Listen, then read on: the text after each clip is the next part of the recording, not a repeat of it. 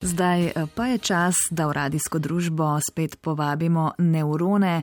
V štirih septembrskih sezonah možganov na dlani bo glavno gibanje.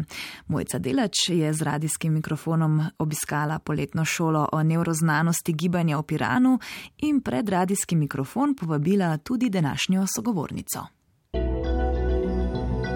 Možgani na dlani. Neuron pred mikrofon. Dobro jutro. Upam, da ste možgane med poletjem dobro odpočili in jim privoščili dovolj kognitivnih izzivov in svežine brez skrbnih dni, da so pripravljeni na jesen, na vse uspone in pace. Veliko gibanja bomo privoščili našim nevronom v naslednjih štirih epizodah možganov na dlani in morda v vesolju vseh mogočih gibalnih in koordinacijskih zmožnosti, ki jih imamo, ne pomislimo najprej na planet Padec, a tudi ta je z nami od samih začetkov. S paci se raziskovalno ukvarja profesorica dr. Bettina Volezen, ki je na Univerzi v Hamburgu v Nemčiji profesorica znanosti o človeškem gibanju, sodeluje pa tudi s Tehniško univerzo v Berlinu.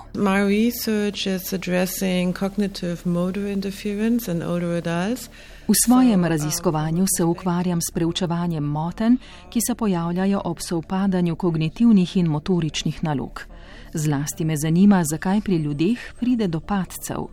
Ti padci predstavljajo breme za zdravstveni sistem, seveda pa še posebno za starejše ljudi, saj vplivajo na njihovo neodvisnost.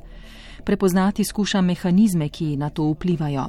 Če bi jih bolje identificirali in razumeli, bi nam to lahko pomagalo pri oblikovanju različnih vaj oziroma treninga za posredovanje. Um,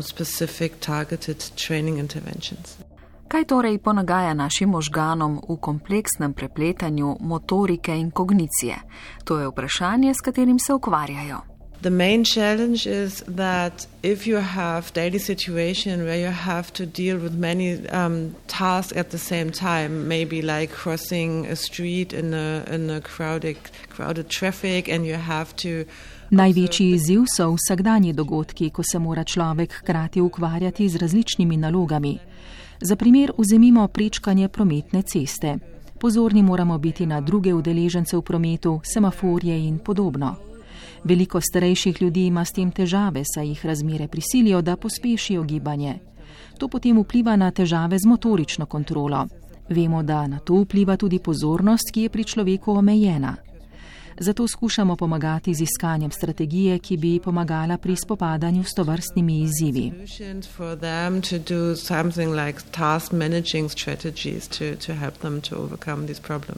Ampak, če gremo na sam začetek, profesorica Bettina Volezen, kaj pa se pravzaprav dogaja v naših možganih, ko padamo?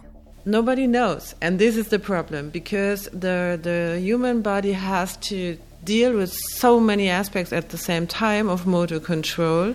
Tega nihče ne ve in to je ključna težava. Človeško telo se mora hkrati soočati s toliko zahtevnimi nalogami motorične kontrole. Res moramo pokukati v možgane, da bi vedeli, kaj se dogaja. Tu je zdaj moje raziskovanje. Pri različnih mehanizmih, Lahko je to že omenjena kapaciteta pozornosti, ki je omejena in vpliva na izvrševanje teh nalog. Lahko gre tudi za težave s procesiranjem senzornih informacij. Težava je lahko tudi sam strah pred pacem. Ta strah namreč lahko povsem prevzame možgane, ki potem nimajo več virov za motorično kontrolo. Takrat recimo tudi zakrčimo mišice, kar vam je najbrž dobro poznano. Ti mehanizmi se razlikujejo od posameznika do posameznika. Če jih ustrezno prepoznamo, lahko pomagamo. We can identify and then we can see how we can help the individuals with um, dealing, yeah, to deal with these problems. Možgani na dlani.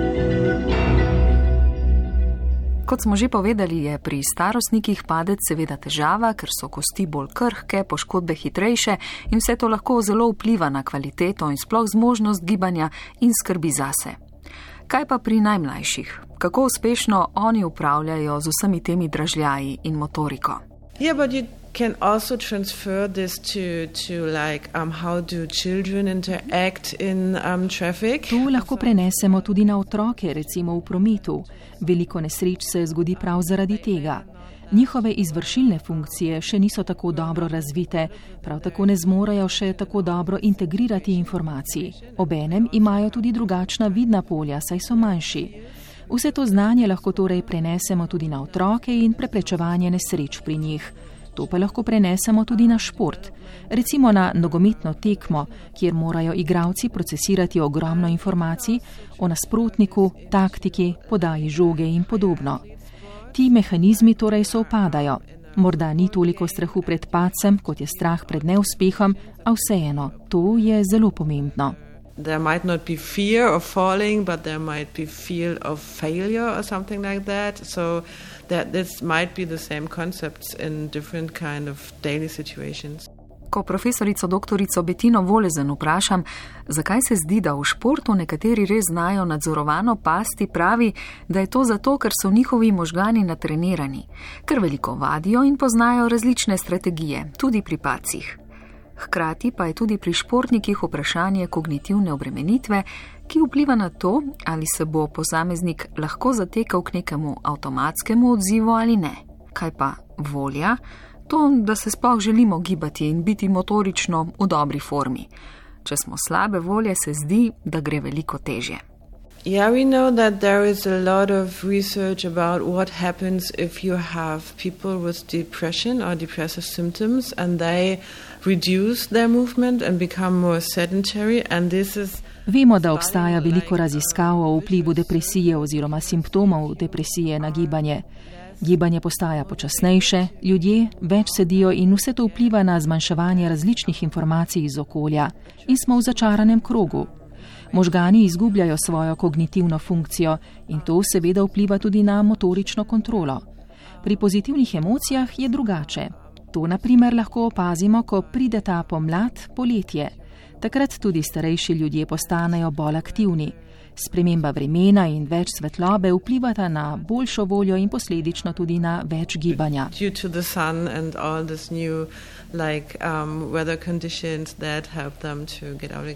Profesorica dr. Bettina Volezen se v raziskavah z različnimi metodami ukvarja s preučevanjem tega, kaj se dogaja v naših možganih, ko pademo in zakaj sploh pride do tega. Kdaj smo zaradi preobremenjenosti informacij preveč zasičeni, da bi uspeli še z motoričnimi nalogami. Kaj pa njen ključen raziskovalni izziv trenutno? Because hearing loss is also a, a common problem in the EU, but also all over the world. Izguba sluha je prav tako pogosta težava ne samo v Evropski uniji, pač pa po vsem svetu. Ljudje z izgubo sluha imajo težave z motorično kontrolo, ob tem pa tudi s pridobivanjem informacij iz okolja, zato se manj gibajo in so bolj sedeči. Z raziskavo bi radi prispevali k temu, da bo njihovo gibanje lažje in boljše. Radi bi razvili tudi aplikacijo, ki bi jim omogočila treniranje doma, lahko pa bi bila tudi pripomoček pri delu s fizioterapeutom ali drugim strokovnjakom. In, um, in home, Naši možgani so res neverjetni. Omogočajo nam toliko različnih stvari. Do prihodnega tedna razmislite, koliko krat se premaknemo, obrnemo, sežemo po čem in uporabljamo motoriko, ko hodimo, sedimo, vstanemo in tako naprej.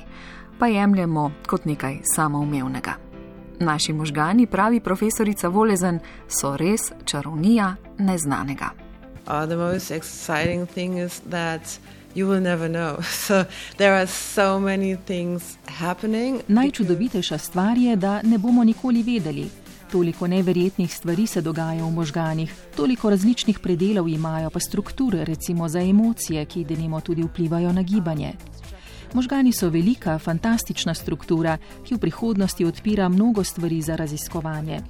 Vesela sem, da to lahko počnemo s pomočjo različnih metod, ki jih tudi še razvijamo.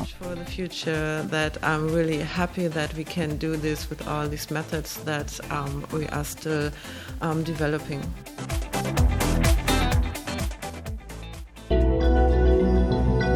Možgani na dlani. Neuron pred mikrofonom. Vsekakor vam želimo čim manj pacev in čim več odlične izrabe vseh motoričnih sposobnosti možganov. To in vse pretekle epizode pa seveda hranijo radijski arhiv in podcasti. Prihodnji teden pa vas mojca delač vabi na novi odmerek gibanja.